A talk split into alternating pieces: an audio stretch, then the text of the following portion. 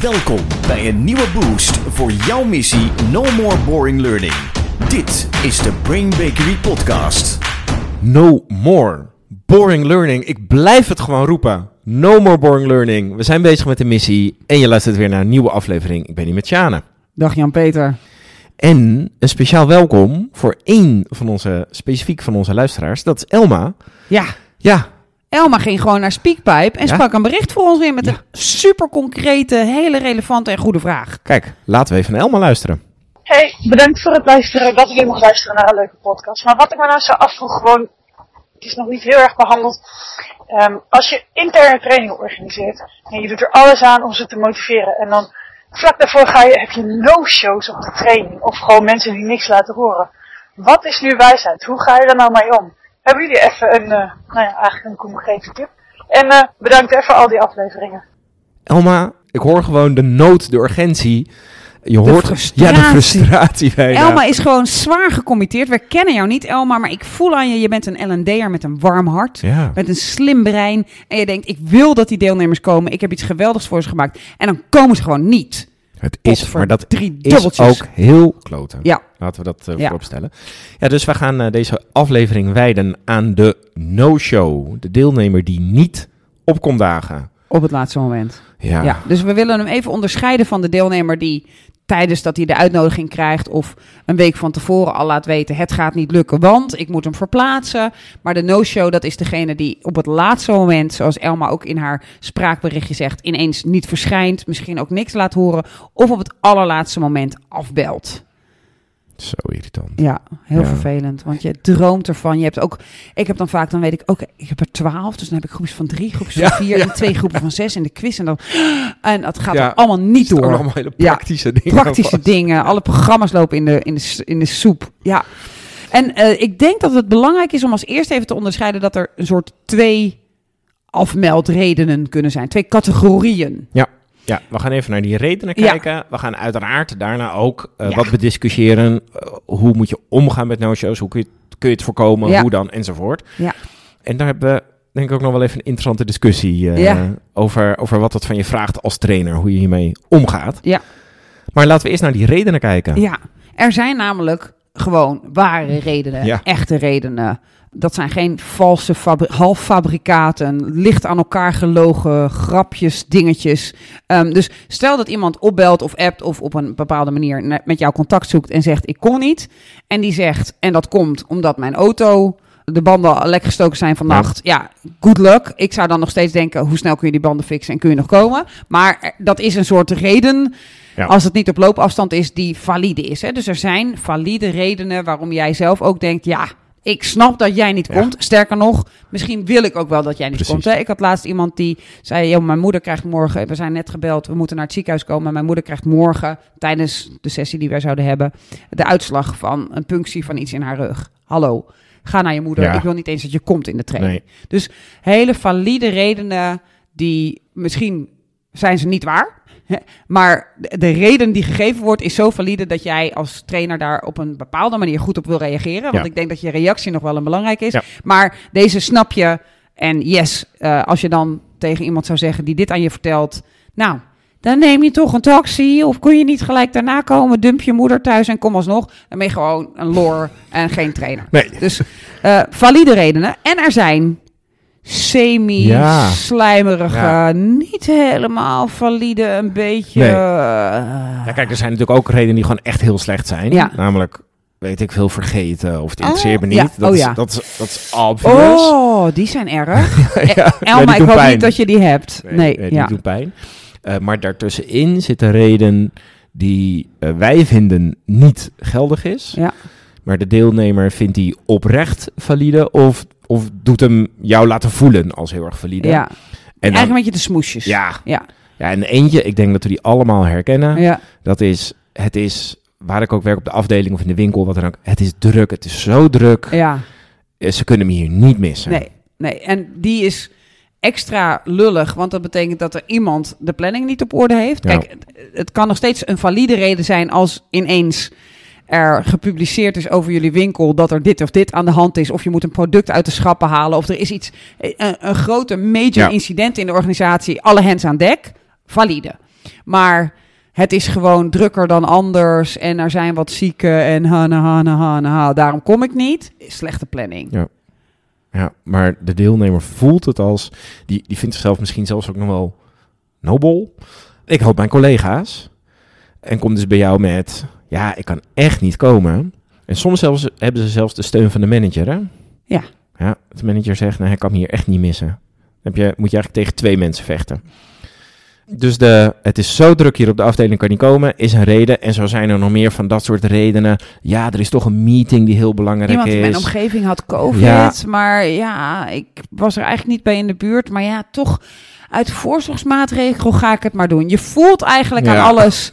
Nou, mop. Nou, als, als er echt levens op het spel stonden, dan was jij er hoor. Ja, ja. dus Ja. dit zijn de, nou precies wat je net zei, die, die die Schimmig. schimmige, redenen. Ja.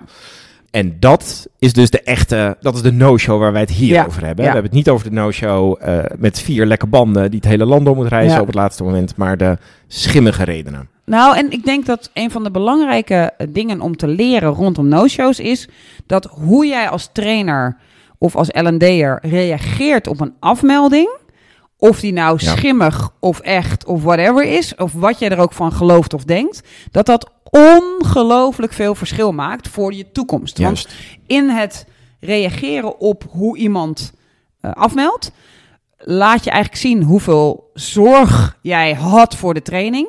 En dus stuur je daar een hele duidelijke boodschap mee. En want stel je voor iemand denkt, ik heb eigenlijk geen zin. Ik loop even langs mijn baas. hey, kun je me morgen eigenlijk wel missen? Want eh, Pietje is ook nog ziek. En die baas zegt, nou liever niet. eh, ik weet eigenlijk niet waar het over Nee. gaat. Nee, dan regel ik wel even wat. Hè? Stel dat, stel dat Ja. dat aan de hand is. En eh, ik ben die deelnemer en ik bel mijn trainer op. En ik zeg, joh, het is morgen te druk. Kan eigenlijk niet komen. Het komt een beetje omdat ik geen zin heb. Maar dat zeg ik er niet bij. Het komt ook een beetje omdat het ook echt wel druk... Het is een beetje een soort Ja. half fabrikaat, hè? Als ik dan als trainer reageer, akkoord. Ik eh, haal je van de lijst af. Wanneer wil je de volgende keer deelnemen? Dan vertel ik jou eigenlijk, top, kom de volgende keer met nog zo'n smoes. Ja, Eh, Als ik reageer met, eh, nou, dat vinden wij heel vervelend, want dit is heel erg naar. Want, eh, nou, nu voorkom je dat wij... en ik ga een beetje een soort, soort zeikpraatje houden van, hadden jullie dat niet beter kunnen plannen? Dus ik ga een soort de, de juf van vroeger personificeren, of de meester van vroeger, die een beetje met het vingertje staat wijzen. Dan krijg je natuurlijk dat die persoon ook denkt, oké, is dit hoe jullie met mij omgaan? Pak Ja, jou, ja. ik heb hier helemaal geen zin meer in, laat maar zitten verder. Dus die twee wil je niet doen. Je wil niet een soort klakkeloos accepteren. En je wil ook niet. Nou, ik ga met je Ja. manager bellen hoor. Eh, dus de plek waarvanuit je reageert is natuurlijk een hele belangrijke. Vanuit, want wij hebben ze niet zo heel veel, maar we hebben natuurlijk ook wel eens no-shows. Eh, en dat is het gesprek wat we net hadden, hè, over vanuit welke plek eh, reageer je. Ja. Wat doe jij daarbij? Wat, Ja. wat voel jij daarbij? Nou, als je het dus goed wilt doen, dan ga je even eerst een soort meten van stel dat dit mij overkwam, zou ik dan zelf ook niet komen? Ja. En wat zou ik daarbij voelen? En wat zou daar met mij door mij heen gaan? En met die compassie probeer ik dan terug te praten. Dus stel dat iemand mij opbelt, dat is er overigens nog nooit gebeurd, mijn vier banden zijn lek gestoken. Dan zou ik gelijk denken, wow, dit is een soort semi-aanslag. Eh, hoe is je gezin? Ja. Zijn jullie ongerust?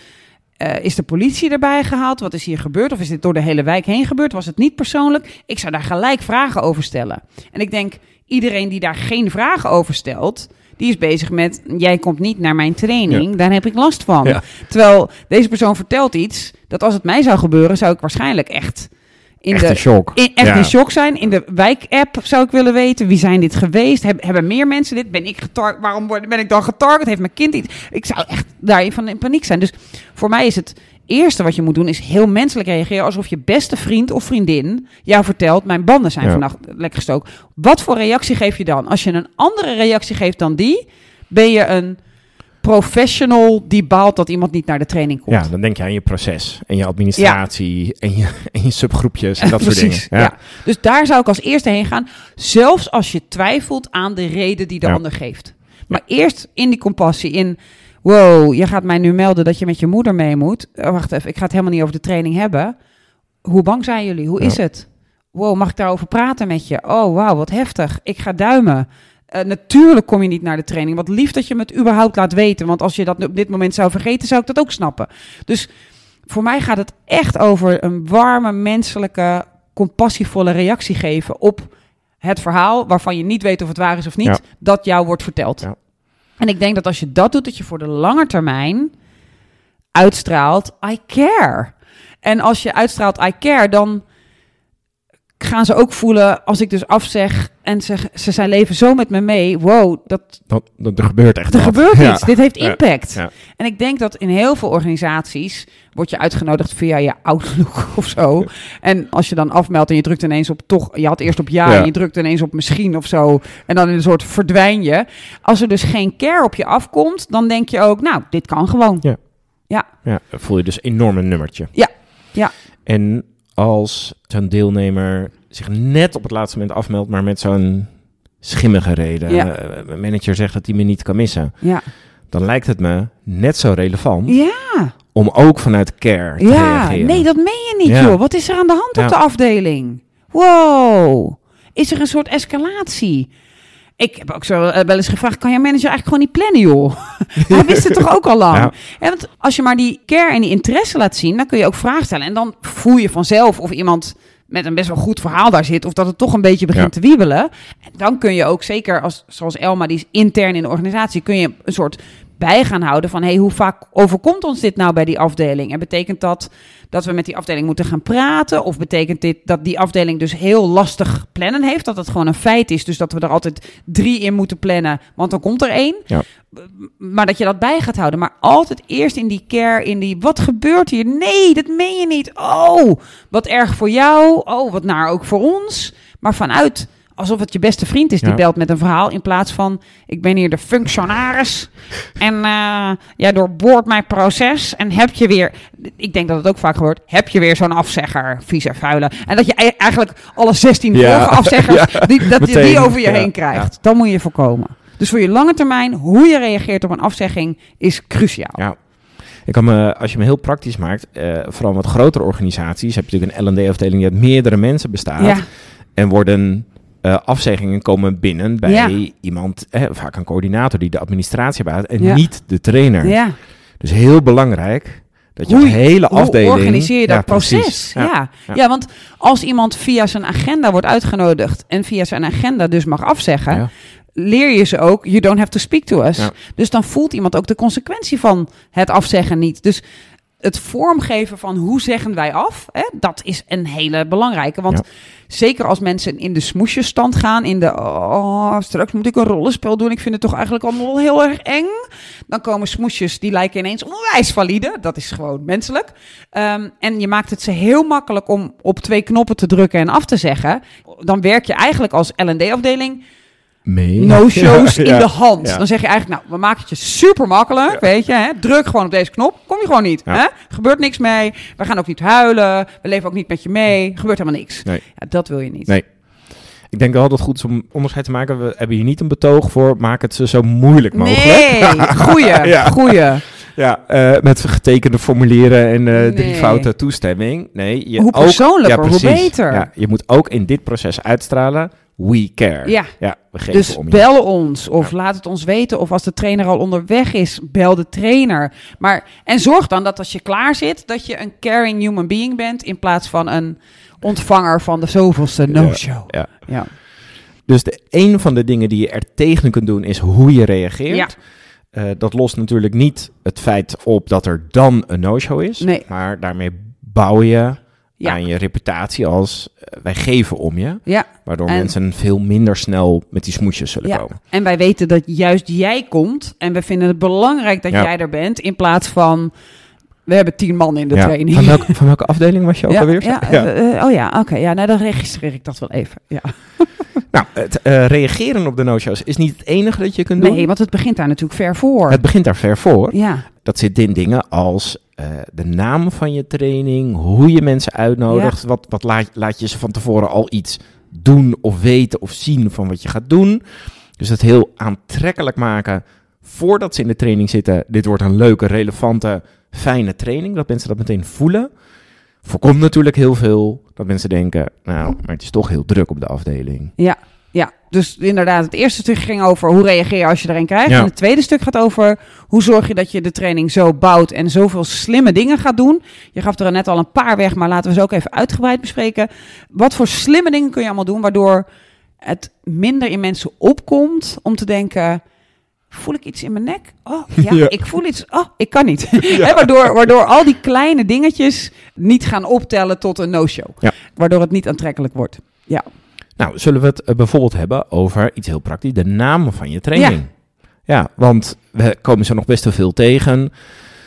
Training, leren, communiceren. Beïnvloeden voor beginners. ja. Nou, Ja. wil jij dat in je agenda hebben staan? Ik Ja. ga naar beïnvloeden voor beginners. Nee, eh, eh, leertrajecten, nou ja, allemaal da- dat soort woorden, dat is het wel. Maar dat soort woorden in de naam van je traject of je training voelt heel functioneel, klinisch, een beetje afstandelijk.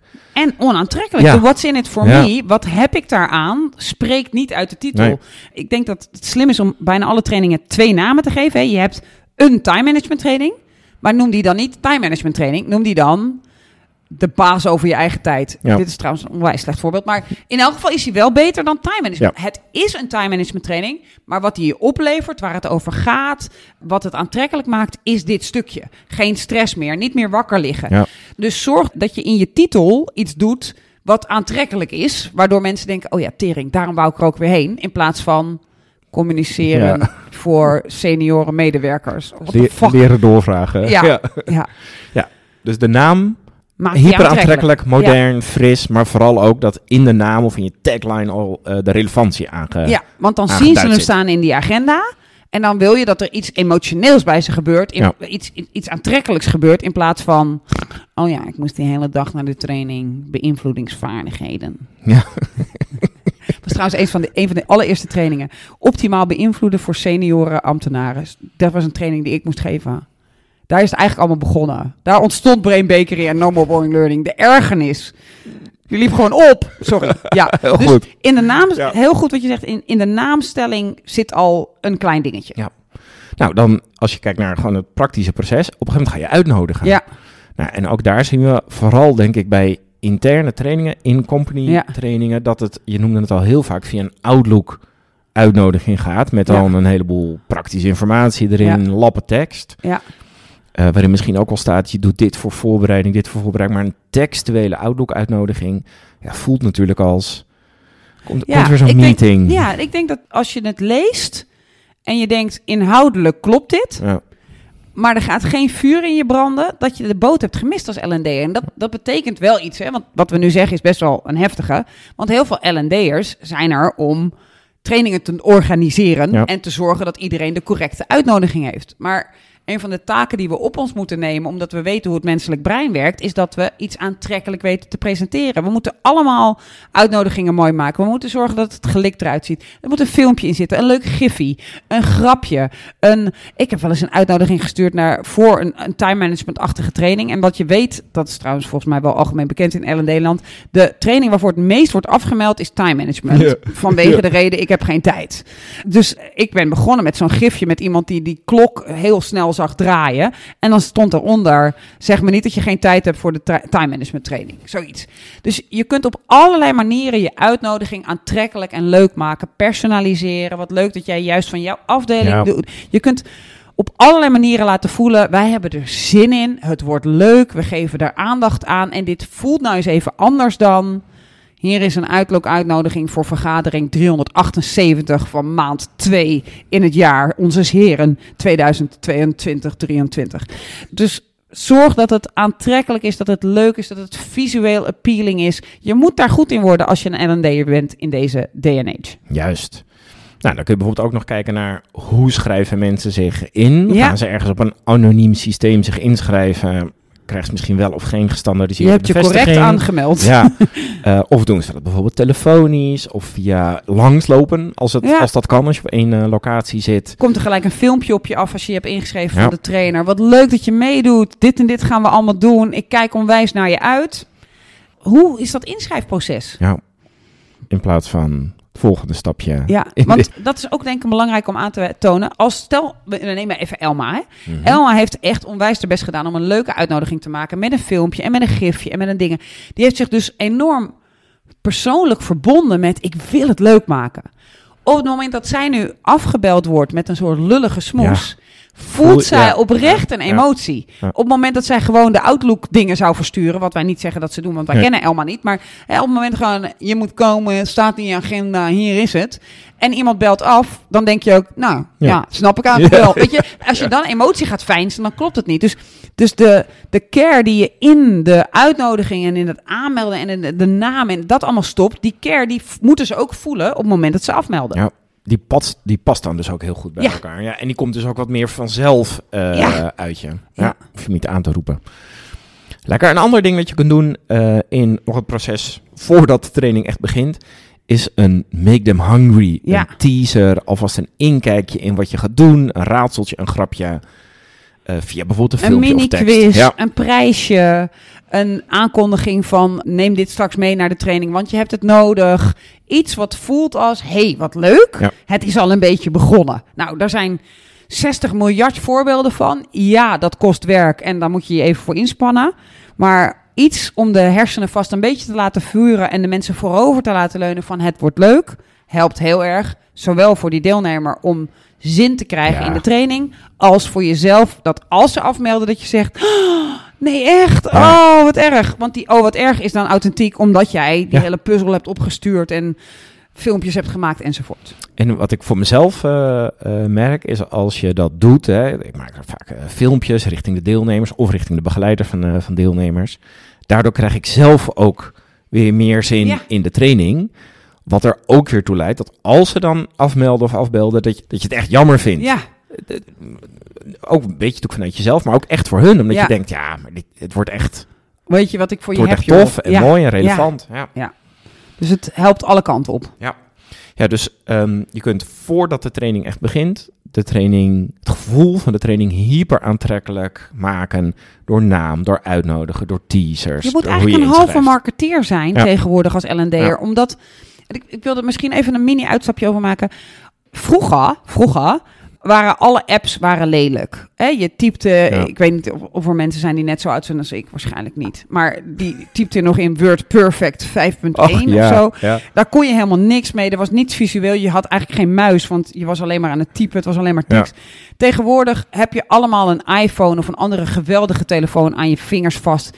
Daar klik je op. Geile app. Geile apps, filmpjes, grapjes. Je bestelt ergens één paar sokken en je krijgt 16 mails met daarin allemaal grapjes en leuke dingen. En je wordt wel plat gespamd, dus je haat het ook. Maar alles is leuk en aantrekkelijk en mooi gemaakt. Zelfs het kopen van een paar sokken. Ja. En dan krijg je voor je training... Hier is een mail met 60 lappen tekst waar de helft niet relevant van is. En je voelt ook, je hebt dit gewoon opgeschreven en geknipt en geplakt voor alle deelnemers. Pff, laat maar zitten. Dus je Het moet contrast is veel je groter moet dus. concurreren met Ja, iets wat ja. veel mooier is. En dat moeten we ons wel realiseren. Goed, goede sidestep eh, dit. Mm. Ja. Dan is er ook nog, hè, dus we hebben hoe je reageert op de no-shows, Ja. hebben we net bes- eh, besproken. Er is het hele proces voordat de training begint. Ja, Ja, dan is het, de derde is makkelijk, namelijk de training zelf. ja, Je design van je training en alles dat je doet, dat is natuurlijk niet een antwoord op dat moment Nee. op je no-show. Dat Nee. is overduidelijk. dit is je langetermijnstrategie. Ja, Ja. want als jij hele hyper aantrekkelijke, relevante, moderne, frisse eh, trainingen ontwerpt geeft, dan krijg je als L&D-organisatie in je organisatie natuurlijk de reputatie. Ja, hier moet je bij zijn. Ja, heb jij afgebeld omdat het druk was? Ja. Knur. Je weet niet wat je mist. Gek. Ja. Je moet echt, je moet gaan, joh, hou op. Hoe durf je je af te melden, man? En je wilt zo'n manager eigenlijk zegt, weet je het zeker dat je niet wil gaan? Ja. Zegt, dit is een uitje, dit is geweldig, dit is heel gaaf, dit is relevant. Ja, dus je wilt in je design, en dat is natuurlijk een langere termijn strategie, zo'n aantrekkelijke eh L&D-afdeling zijn, eh, of een L&D-persoon, of zo'n aantrekkelijke trainer zijn, dat de reputatie van jouw trainingen voor je uitsnelt en Ja. dat mensen gewoon bidden en smeken om toegelaten te mogen worden tot je training. En dat afmelden dus echt naar de achtergrond verschijnt. Omdat de experience die ze bij jou hebben, de, hoe, de belevenis die ze hebben in je training, zo wild en aantrekkelijk en gaaf is, dat ze echt eruit lopen met: wow, dit helpt me niet alleen voor mijn werk, dit helpt me niet alleen voor dat ding, maar zelfs thuis kan ik hier wat mee. Wat onwijs geweldig. En de tijd vloog ook nog voorbij. En ik heb onwijs gelachen. Ik heb wel spannende dingen. Ik heb ook Ja. overwinningen op mezelf gehad. Zo'n belevenis wil je creëren. Waardoor no-show nog weer moeilijker wordt. Je zou bijna denken dat het gaat over boring versus No, no more boring. ja. Ja. Eh, ja, en in navolging van wat je net zei, je moet een half marketeer zijn. Eh, wat je ziet is, eh, wat ik ook nog wel veel zie, is dat als een training dan door deelnemers als super gaaf en relevant Ja. wordt ervaren, dat de trainer of L&D'er het bij de deelnemers laat en dat niet gaat zitten uitnutten. Ja. Eh, dus, dus dan kun je ook nog gewoon een soort PR-machine in je organisatie op gang brengen. Ja. Vanuit deelnemers, vanuit jezelf, vanuit de managers van de deelnemers.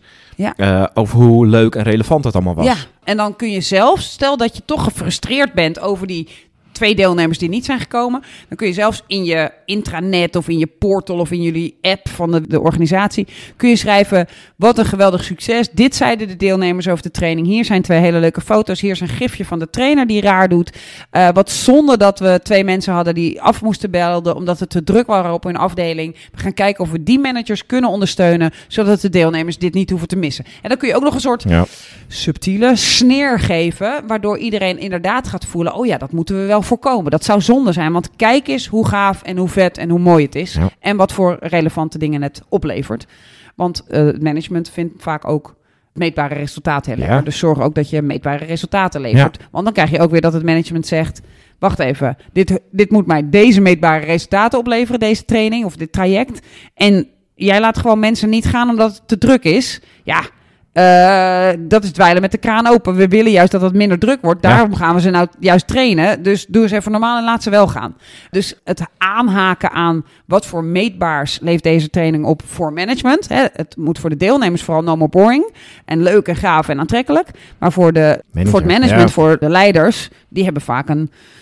Ja, dit kost ons zoveel. Die hele afdeling kost ons al zoveel. Al die mensen moeten van de vloer. Het kost ons zoveel. Wat levert het Ja. op? Als je dat inzichtelijk maakt, wordt het ook ineens heel aantrekkelijk om iedereen naar de training te duwen. En als je dan ook nog heel aantrekkelijk is, waardoor de deelnemers ook nog denken: wat fijn dat je mij hierheen duwt. Ja, dan Dan? gaan we het aantal no-shows echt reduceren tot paniekaanvallen, ernstige dingen, vier lek gestoken banden, ernstig zieke Ja. ouders, dat soort dingen. Waar je dan vanuit oprechte care, vanuit oprechte betrokkenheid Ja. op kan reageren. Ja, ja. Wil je trouwens nog meer weten over het meten van je trainingsresultaten? Scroll dan ver terug, want aflevering 1 ging, daar, eh, ging daarover. Ja. Ja, dus de no-shows valt voor een deel niet tegen te houden, want soms zijn er geldige redenen. Ja. Voor een deel gaat het heel erg om hoe je erop reageert. Ja. Hoe aantrekkelijk je de training maakt voordat de training begint. Ja. En hoe relevant en aantrekkelijk je de training ontwerpt. Zodat je een reputatie opbouwt. Waardoor mensen voelen, ik, ik moet hier naartoe. En waardoor het management denkt, ik wil dat iedereen gaat. Ja. Dus het jammer is dat er niet een truc is Nee. waarmee je op het moment dat het je overkomt iets kunt doen. Ja. Het is echt een lange termijn strategie waar je als trainingsbureau of als L&D-afdeling voortdurend over moet praten van hey, hoeveel zien we er nou? Hoeveel redenen waren nou echt valide? Nou, dat is meestal echt een heel klein percentage, want emergencies gebeuren niet iedere dag. Nee. En hoeveel daarvan zeggen we mm, een beetje twijfelachtig? Hebben we met care gereageerd? Kunnen we leukere namen bedenken? Kunnen we een Make 'em Hungry van Ja. tevoren sturen? Hoe aantrekkelijk is ons materiaal eigenlijk? En eh, nou, daar heb je natuurlijk ook nog weer allerlei bureaus die je daarbij kunnen helpen. Maar ik denk dat je dat ook voor een heel groot deel zelf kunt. Dus lange termijn strategie, lange adem, maar dan ook korte metten maken met alle laffe nep no-shows. Juist. Bastard. Met dank aan Elma. Elma, Ja, Elma, bedankt. voor je vraag. Keep 'em Eh, coming. Bedankt voor het luisteren ook voor iedereen. En heel graag tot de volgende aflevering. No more boring learning. Dit was de Brain Bakery podcast. Wil je meer weten? Kijk dan op brainbakery.com of volg ons op onze socials.